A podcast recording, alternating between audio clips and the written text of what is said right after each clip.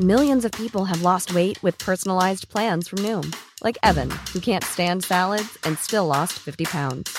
Salads, generally, for most people, are the easy button, right? For me, that wasn't an option. I never really was a salad guy. That's just not who I am. But Noom worked for me. Get your personalized plan today at Noom.com. Real Noom user compensated to provide their story. In four weeks, the typical Noom user can expect to lose one to two pounds per week. Individual results may vary.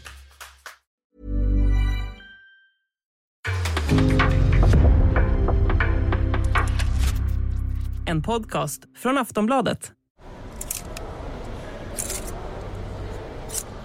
Jag har börjat skämmas när jag går in på H&M. En stark känsla av att jag måste försvara mig har smugit sig på. Och det här kommer sluta med att jag gömmer påsen innanför jackan. Stämmer. Är du medlem? Absolut. Ja, då är det 20 procent för medlemmar. När jag var 13 år och gick på stan så försökte jag få kassan att se fler ut. Jag vet hur det här ser ut, men jag behöver verkligen köpa ett par nya överdragsbyxor till min fyraåring för det var hål i de gamla och de var förresten ärvda och det var väl bra. Snälla se inte ner på mig som jag ser ner på dig. För vad gör du här? Jag heter Malin Molin. Jag är journalist och författare, bor i Kalmar och har fem barn. I den här poddserien Malin blir en bättre människa så bjuder jag in gäster som ska berätta för mig och för er hur vi förhåller oss till klimathotet och blir bättre människor.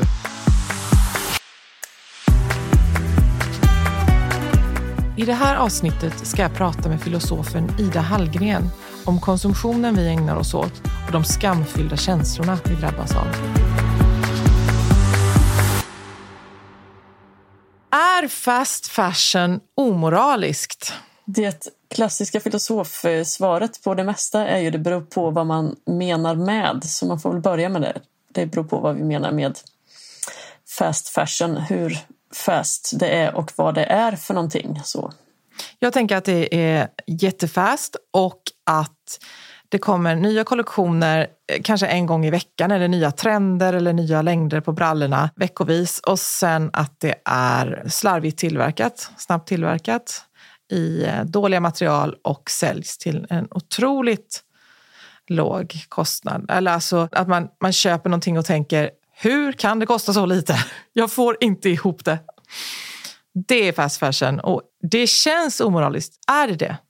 Ja, det var ju ganska många saker du beskriver där som nog inte går ihop exakt. Och särskilt om vi förutsätter att det är nya material hela tiden. Det är kanske väldigt dåliga arbetsförhållanden eh, om det går snabbt och det är så billigt. Så slit på naturresurser och eh, mänskliga eh, liv och resurser. Eh, och då kan man väl säga att hela den industrin är omoralisk på något sätt. Där vi kan koppla ganska stora dåliga konsekvenser till den. Sen om man kokar ner det till då vad har individer för roll i det här hela så kan det vara andra typer av moraliska frågor och svar. Vadå? Ja, är det rätt eller fel att köpa just den där tröjan just den där gången? Och då kan man ju, alltså spelar det någon roll vad jag gör? De där frågorna som vi lätt hamnar i när det är stora strukturella problem. Och då kan man ju säga att det är fel att liksom vara del av någonting som är dåligt. Någon skulle kanske argumentera att det inte har då tillräckligt stort mm, avtryck kanske då, vad just jag gör. Eh, men de flesta skulle väl kunna säga att ja, men det, man är på något sätt inblandad i det här med kons konsekvenserna. Så. Sen finns det andra typer av moralfrågor som inte just är handlingar om de är rätt och fel utan kanske hurdan vill man vara som människa till exempel. Är man en bra människa som eh, göder och beblandar sig i den här, eh, de här strukturella problemen. Då handlar det mer om att eh, ja, men se sig själv i spegeln kanske. Vad vill jag vara för typ av människa? Vilken typ av liv vill jag leva? Är det viktigare att se sig själv i spegeln och må bra eller att andra ser en själv i spegeln, eller på säga? Jag tänker inte se sig själv i spegeln just för att eh, må bra utan för att känna att man lever ett meningsfullt liv. Att känna att jag kan stå för det. Den typen av att kan jag se mig göra det här och se mig själv i spegeln utan att skämmas inför mig själv. Sådär. Inte inför vad andra tycker utan stämmer det här ihop med mina värderingar om jag frågar mig själv på djupet på något sätt. Liksom, går, går det här ihop? En sak som jag tycker är besvärlig det är att alltså, ju duktigare jag tycker att jag blir och mm. ju klokare och, och duktiga val jag gör, desto sämre framstår ju alla andra runt omkring mig. Och det blir hela tiden jobbigare att förhålla mig till. Alltså det vill säga om jag vore lika hemsk som alla andra då behöver jag inte ägna någon tid alls åt att fördöma dem och tänka att de är dåliga människor. Men för varje steg jag går mot ett hållbart liv, mm. desto mer ohållbara blir ju de andra. Mm. Så länge vi jämför oss som individer så uppstår det ju en massa just psykologiska fenomen i det där ja, med eh, skuldbeläggande eller att det uppstår skuld eller skam bara genom att eh, se andra eh, göra någonting och hur vi kommunicerar kring det där. Det finns ju för sig ett annat psykologiskt fenomen som också eh, ja, det kallas för moral elevation på engelska. Vad blir det? Att, att bli liksom upplyft genom att se andra som förebilder att det kan vara inspirerande också. Det kan ge det avtrycket också. Så om man ska titta på konsekvenser så kan det ju bero lite grann på vilket avtryck eh, får det på andra. Mm, men jag ser ju andra som efterbilder då ju. Ja, exakt. Det blir, blir fel håll. Precis. Ja, och det är ju en stress och ett, att eh, få syn på saker och eh, se att det behöver göras och alla borde göra det. Det är klart att det är en Eh, Eh, en stress och kan upplevas som en börda och det är ju bara ett, ett faktum. Men sen är det ju ett liksom grundläggande problem både med den då efterblivna och den föregående, eller vad man nu säger, kallar dem.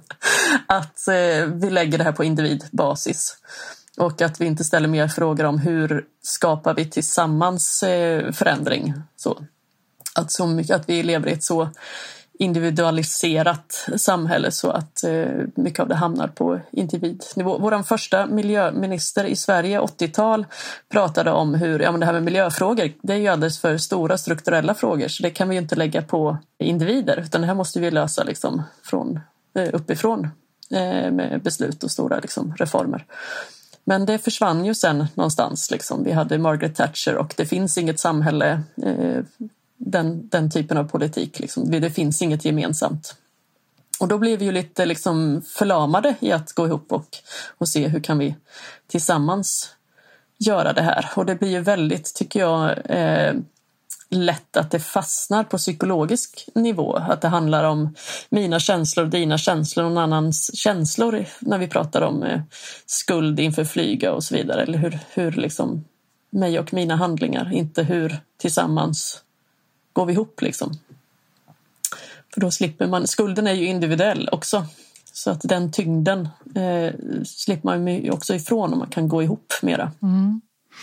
För jag tycker mig också, varje gång jag, alltså man får någon reklam i flödet på Facebook eller sådär om, om eh, de här stora kedjorna och så ser man någon snygg topp och så, så tänker jag, herru, det gick jag inte på.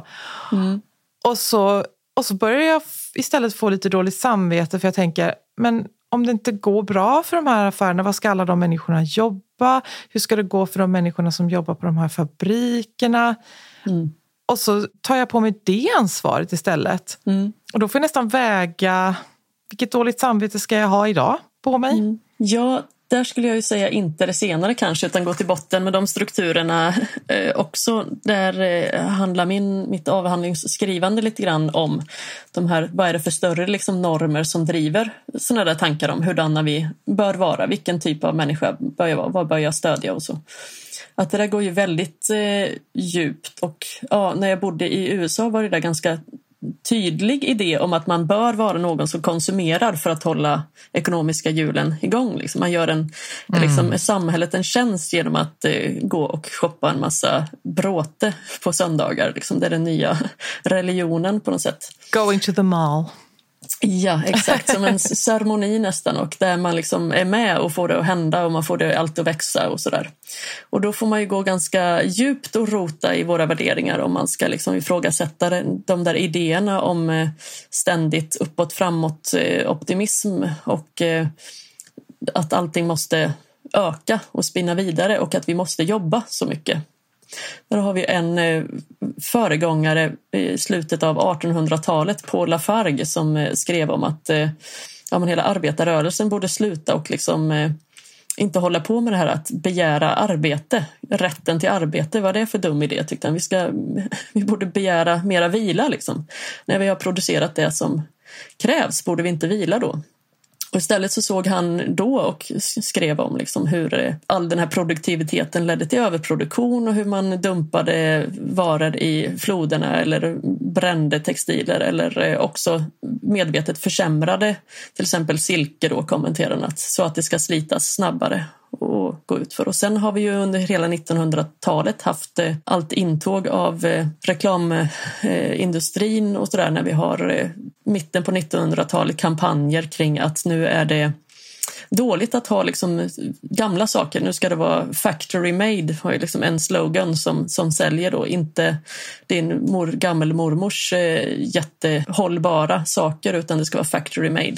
Det ska vara snabbt. Så att det där är liksom en norm som vi har dragits in i att vi ska vara med och bidra till att det ska vara snabbt. Vi ska producera och då måste vi ju konsumera skiten också om vi ska vara så himla produktiva hela tiden och göra massa saker. Så de där går ju ihop liksom. Och den som då säger att nej, men jag vet inte om jag vill vara med. Ja, men då är den inte med och bidrar till ekonomisk tillväxt och då är den också kanske lat och oduglig då och bidrar inte till samhället alls. Där sitter vi fast med de normerna och värderingarna. Okej, men med det sagt då, är det verkligen fel att få människor att skämmas över sin konsumtion? Om det faktiskt funkar, ger resultat? Nej.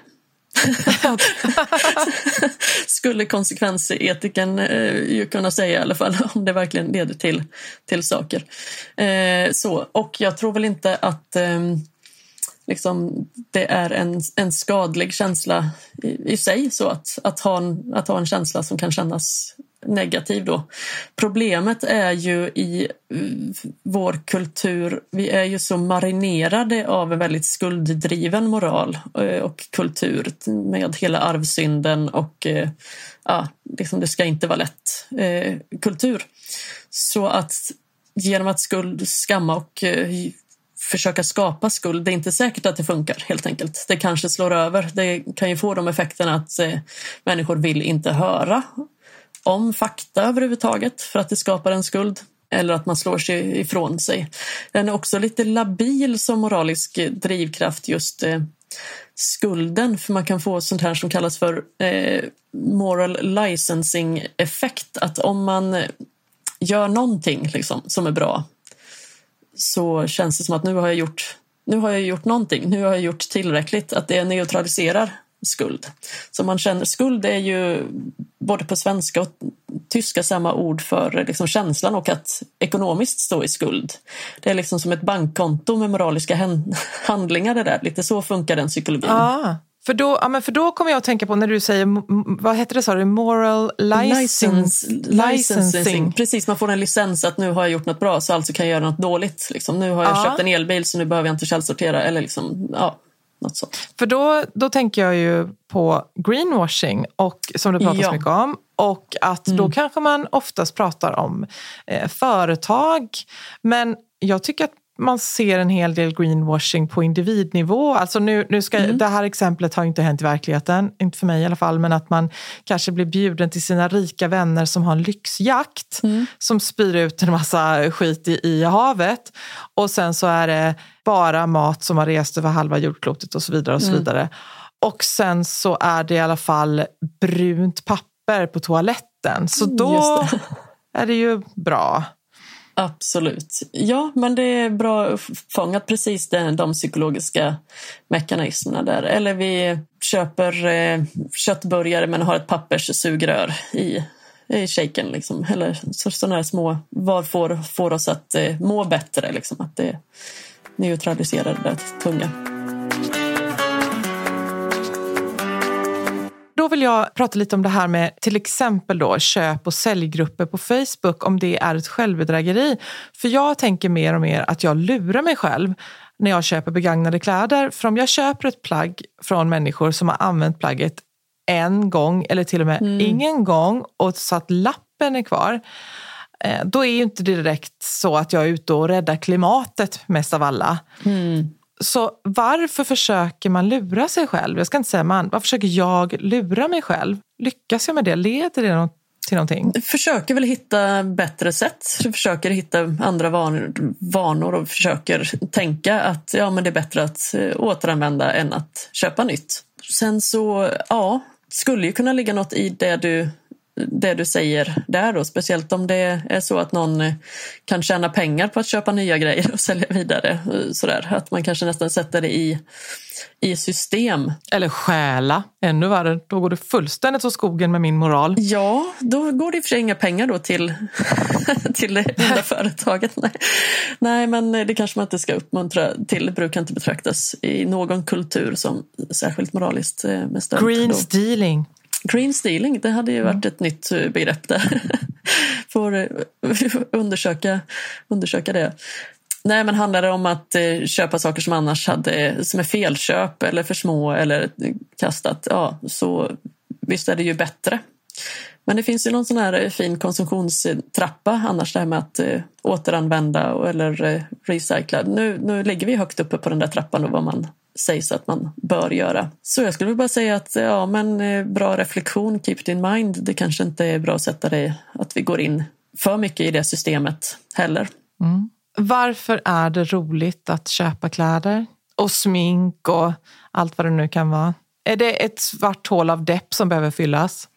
Någonting eh, händer ju när vi köper saker. De här eh, kortsiktiga mål, måluppfyllelsen, liksom lite vara ute och jaga och eh, vi får en liten kick när vi har nått fram till mål. Tyvärr så har vi väldigt mycket i våra nuvarande normer kring att det är just det man ska eftersträva i sitt liv. Den här liksom må bra-heten som man kanske får när man har nått fram till ett mål. Vi har andra typer av välbefinnande känslor som är mer kopplade till vad som är meningsfullt att göra. Som är ju faktiskt ett annan typ av psykologisk mekanism. Du kan tänka på eh, en grupp eh, norska studenter ut och klättrar i berg här och ju längre de eh, går och klättrar och ju mer skoskav och de får och svetten lackar så kan de ändå känna att det här är väldigt meningsfullt. De kanske skattar ganska lågt på välbefinnande alltså som i välmående känslor. Och sen fredagsmyset i, i tv-soffan kanske du skattar väldigt högt på välbefinnande men du skulle skatta lågt troligen på meningsfullhetskänslor kanske. Så där är det lite tråkigt att vi har missat den distinktionen och lägger kanske väldigt mycket energi på fel saker där då. Att den här kortsiktiga nu är jag framme vid målet känslan, det är det vi jagar hela tiden. Och det kan ju vara att, det, eh, att vi hamnar där beroende på att vi lägger för lite energi på att skapa meningsfulla liv. Liksom. Mm. Så att börja i andra änden kanske, att engagera sig mer, gå med i en miljögrupp av något slag och sen se, finns det där suget efter konsumtion kvar? Försvinner det? Slipper man den där skuldkampen liksom, av att känna att äh, men jag har inget behov av det, jag har viktigare saker för mig på något sätt. Har du sug efter konsumtion? Nej, det har jag faktiskt inte jag känner igen känslan och eh, har haft och eh, sådär när det ja, men måste ha någonting och man åker runt på second hand. Att det, det är som att det klickar in i ett tillstånd nästan kan jag känna. Liksom. Så att har jag hittat någonting så, ja men där, den där också och den där också kanske funkar. Liksom, så. Att det är som att eh, den här jaktsökarhjärnan går igång på något sätt. Men annars så tycker jag väl inte att det känns så meningsfullt så att jag beger mig sällan iväg till de jaktmarkerna. När man är ung så letar man efter svar på livets mening, men också vem man är och vad man har för stil och så vidare. Mm. Och som äldre och tryggare så vet man ju vad man gillar och man har också bättre ekonomiska förutsättningar att göra smarta, hållbara val när det gäller konsumtion. Mm. Eh, som de som har passerat 30, 40 eller till och med 50 har inte samma behov som unga vuxna när det gäller shopping. Alla dessa unga människor som ska skämmas för sin konsumtion. Det är väldigt lätt att som 40, 50, 60-åring Ja, jag har mitt hus och jag har min inredning, jag tycker det är mm. fint och jag har mina kläder, jag har inget... Liksom. Och jag har gjort mitt resande några varv runt jorden redan. Yeah. så, så jag kan säga att nu stannar jag på marken i år för att jag har redan sett det jag ville se. Ja. Det känns, ja, det är, ju, det är ju mycket lättare såklart. Det är ett väldigt kort steg för dem att leva ett mm. hållbart liv där det har stannat upp. Så hur ser du på det?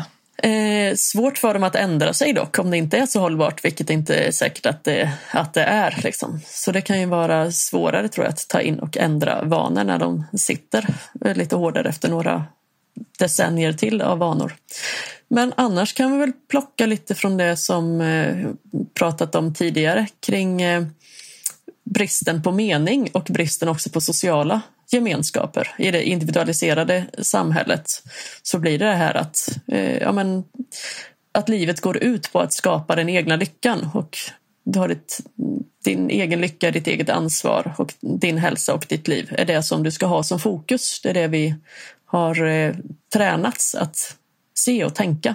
Samtidigt som man kan se den här lyckoparadoxen att om vi strävar efter egen lycka så brukar det sällan leda dit. Eh, att det inte är det som gör oss eh, lyckliga på sikt. Ja, det är verkligen en paradox. Ja, det är en tråkig paradox. Ska man, ska man är... försöka göra någon annan lycklig och sen få hoppas att man blir lycklig själv Ja, bara farten? Det, det, är så psykologisk forskning visar och så filosofer har pratat om eh, sen alltså gamla stoiker och eh, buddhister. Du hittade lite här och var genom tiderna den här eh, paradoxen att, att det verkar inte vara som att vi, vi blir lyckliga av att sträva efter utan det, det låser sig och det, det funkar inte riktigt så. Möjligen det här då några snabba kickar av snabb liksom, tillfredsställelse av något begär, kanske snarare än ett behov.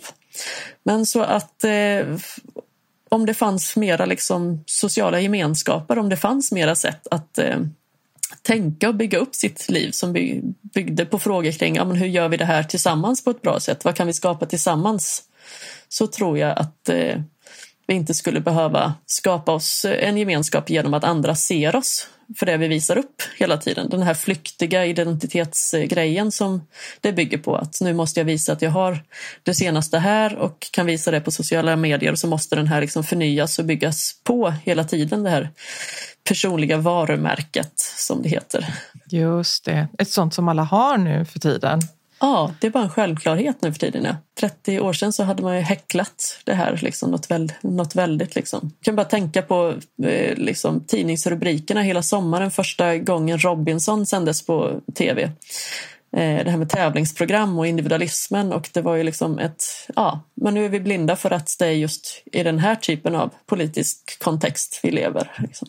Eh, men det är tråkigt för att det, vi står ju ensamma eh, i botten där då det blir mycket bräckligare och det blir mycket mindre mening i grunden att stå på. Svårt för unga tror jag att, att hitta liksom, de här gemenskaperna för de finns inte så mycket. Liksom. Vi har inte folkrörelser och eh, liksom föreningsrörelser på samma sätt. Det har ju också liksom, och inte partipolitik eller så stora gemenskaper utan det är lite projektbaserat liv också. Du går in och är med någonstans så länge det känns kul och sen så när det liksom har fejdats lite grann och du har postat några gånger om det på sociala medier så behöver man gå vidare och bygga något nytt. Liksom.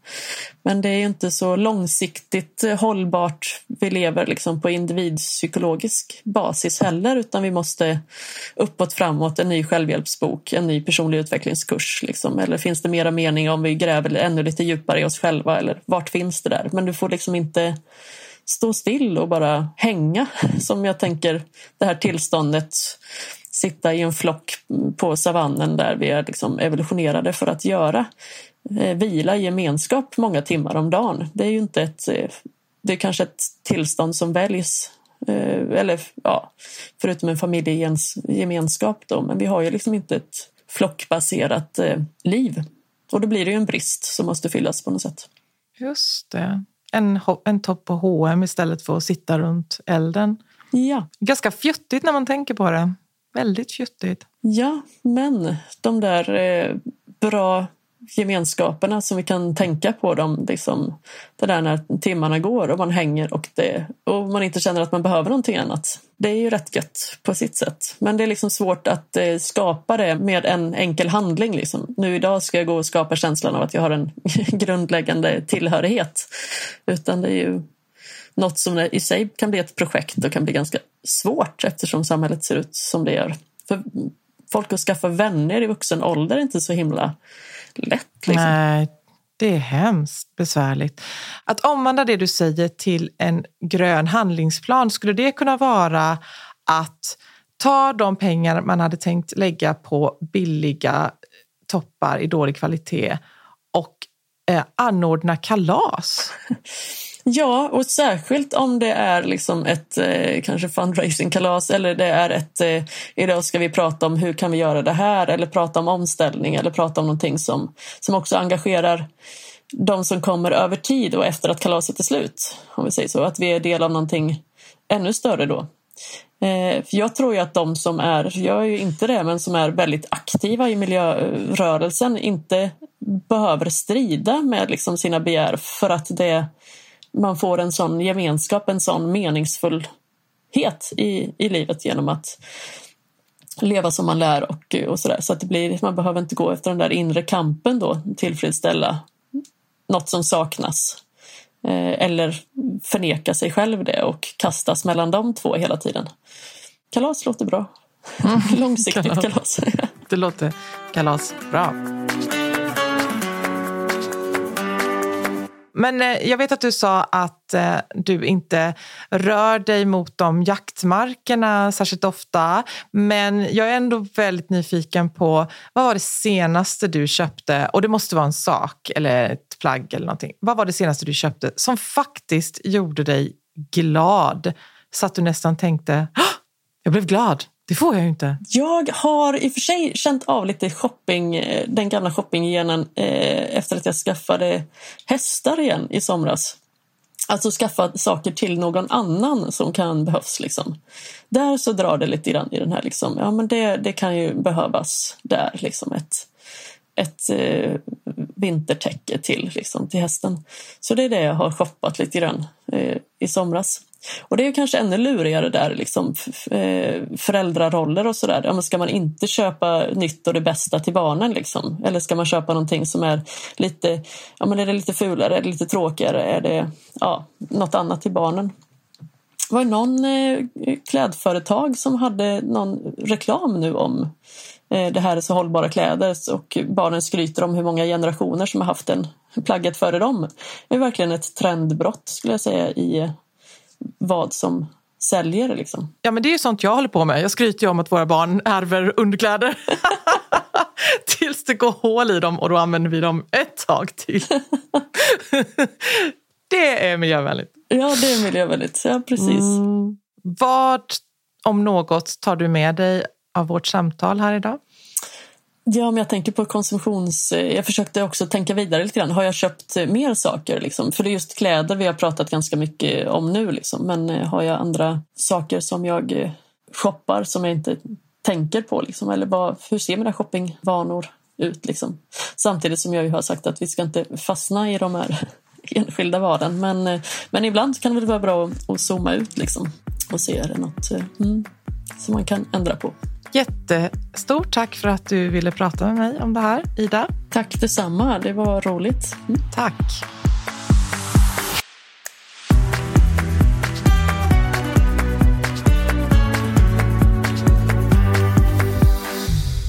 Den här podcasten är gjord av produktionsbolaget Cast för Aftonbladet.